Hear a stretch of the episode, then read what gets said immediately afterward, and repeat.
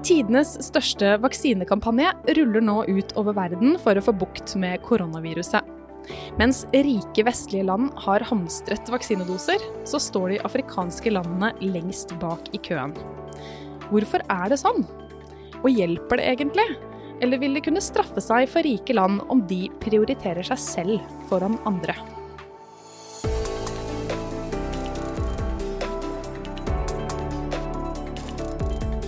Du hører på podkastutgaven av Hvor hender det? Mitt navn er Therese Leine. I need to be blunt. The world is on the brink of a catastrophic moral failure. And the price of this failure will be paid with lives and livelihoods in the world's poorest countries.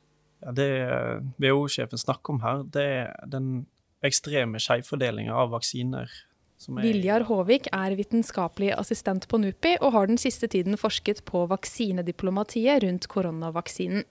Han er spesielt opptatt av hvordan Afrika skal få nok vaksinedoser.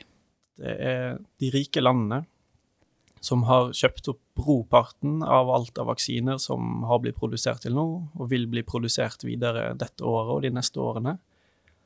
Og mens det er veldig lite som er igjen til de fattigste landene her i verden. Viljar, du er 25 år, og du er såpass frisk at du er toppidrettsutøver i volleyball ved siden av jobben i NUPI. Hvis du hadde blitt smitta, så ville det antageligvis vært som en forkjølelse. Likevel så kommer du, som de fleste andre friske unge voksne i Norge, sannsynligvis til å være vaksinert innen høsten.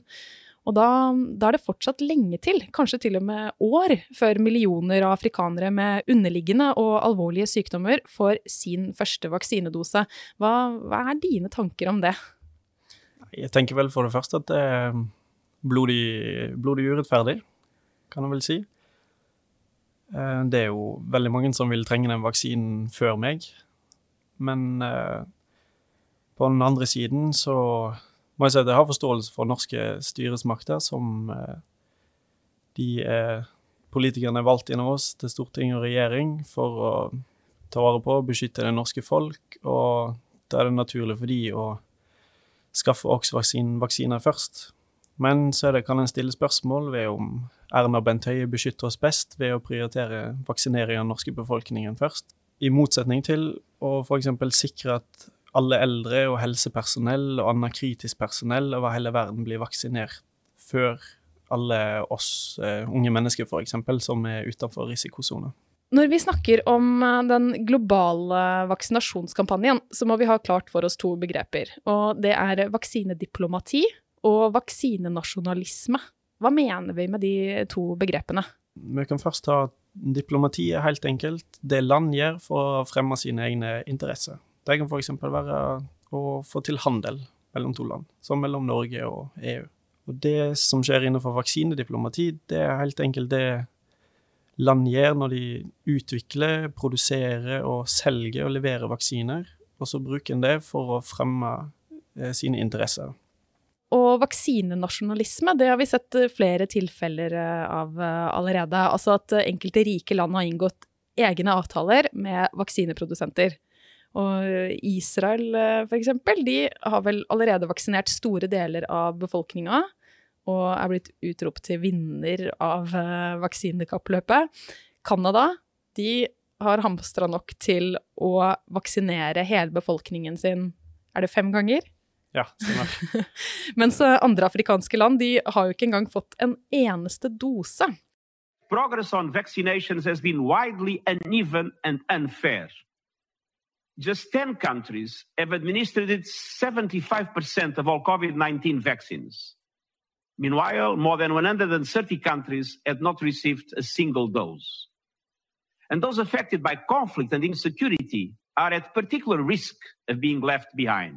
Så FNs generalsekretær Antonio Guterres han mener fordelingen av vaksiner er svært urettferdig. Hva er det som er i ferd med å skje nå som eh, vaksinene ruller ut, Viljar? Hvor, hvor skjevt fordelt er det egentlig? Nei, det er jo Det er jo så skjevt fordelt at det, det er bare rundt 50 høy- og øvre middelinntektsland som har fått levert vaksiner og har begynt, satt i gang en vaksinekampanje. Og det, det er kanskje bare rundt ti land som faktisk har begynt å fått uh, vaksinert en, uh, en, stor del av befolkningen sin. Da. Vi merker jo selv her i Norge at det går, det går veldig tregt. Er det sånn at afrikanske land er like hardt ramma av koronaviruset som det vi er? Altså, trenger de vaksinen like mye som oss? På den ene sida så virker det ikke som eh, koronaviruset tar like hardt i, eh, i flere deler av Afrika, med unntak av Sør-Afrika, med den sørafrikanske varianten. Der er det veldig aggressiv andre bølge akkurat nå. Dødeligheten i Afrika er ikke noe høyere enn en normalt. Men det som er de store konsekvensene, er som for mye av resten av verden, det er de økonomiske konsekvensene regionen Afrika sør for Sahara, alle landene, har hatt sin første økonomiske nedgang på 25 år, altså siden eh, nesten 1995. For noen land så har koronaperioden vært fryktelig tung. Noen har klart å holde seg på beina fordi de har mange bein å stå på i sin økonomi, men de som er mer avhengig av å eksportere olje eller få inn turister, f.eks. Eh, Nigeria, de har en veldig negativ økonomisk vekst og vil kanskje måtte bruke lang tid på å hente seg inn igjen. Når kan vi regne med at uh, de afrikanske landene for alvor begynner å få sine vaksinedoser? Vaksinedosene så, vil så smått begynne å rulle ut allerede dette kvartalet, altså nå i, i mars. Men hvis en tenker på å få vaksinert hele den voksne befolkningen, så vil det mest sannsynlig ikke skje før langt ut i 2022 I hvert fall med de vaksinene som er tilgjengelige akkurat nå. Men det er ikke første gang Afrika har opplevd å være sist i vaksinekøen. Eh, kan du fortelle litt om det? Tilbake i 2009, da svineinfluensaen eh, eh, kom over hele verden. Da ble en vaksine utvikla i halv hast, og rike land de hamstra alt som var tilgjengelig av vaksiner og framtidig produksjon. Og det var først når en så at svineinfluensaen ikke var så farlig som en først skulle tro, at det da begynte en å gi fra seg vaksiner og slippe opp en del av de eh, kontraktene en hadde. da. Og dette har òg skjedd tidligere under eh, epidemier med andre sykdommer, at vestlige land holder igjen på medisiner og hamstrer alt av vaksiner. Så dette er veldig gjentagende. Med den historien som bakteppe, så er det jo blitt gjort noen forsøk på å unngå at man skulle få en sånn skjevfordeling enda en gang. Hva er det som har blitt forsøkt gjort? Ja, Denne gangen så har en f.eks. et eh, globalt initiativ som heter COVAX.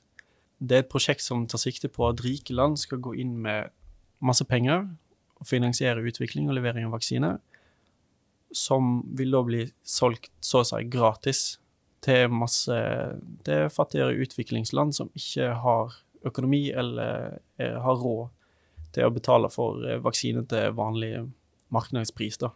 Har det vært vellykka? Det har til dels vært vellykka. Covax har til nå skaffa 1,1 milliarder doser. Målet deres er å få tak i 2 milliarder i løpet av 2021, sånn at i de 92 landene som de identifiserer, så kan jeg vaksinere ca. 20% av befolkningen. Med, det vil innebære eldre folk i risikosonen og helsepersonell. Så det er målet deres i første omgang. Mm. Ja, men det er også De har ikke fått tak i all finansiering som kreves ennå, men samtidig så har de stor oppslutning i verden. Er det noen andre som er interessert i å selge vaksinene sine til Afrika?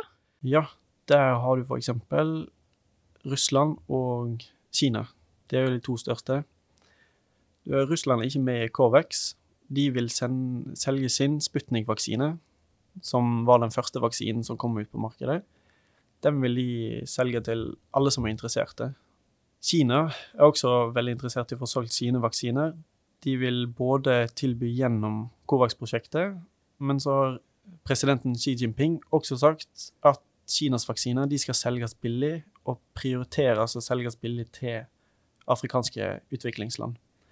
Er det sånn at uh, Russland og Kina er uh, snillere enn uh, en, rike land i Vesten? Eller hvorfor vil de tilby sine vaksiner til Afrika? Ja, det er jo ikke Det er jo ikke bare helt uegoistiske interesser som spiller inn her. Eh, det åpnes jo opp spillerom for at de kan få til andre ting. Og det som de er interessert i, da, er handelsavtaler, politisk innflytelse og eh, markedsandeler. Det er f.eks. å få tilgang til eh, produksjon av olje, naturgass, mineral, den type ting. Så når de, når de, selger sine vaksiner til Afrika, så får de ganske mye igjen for det?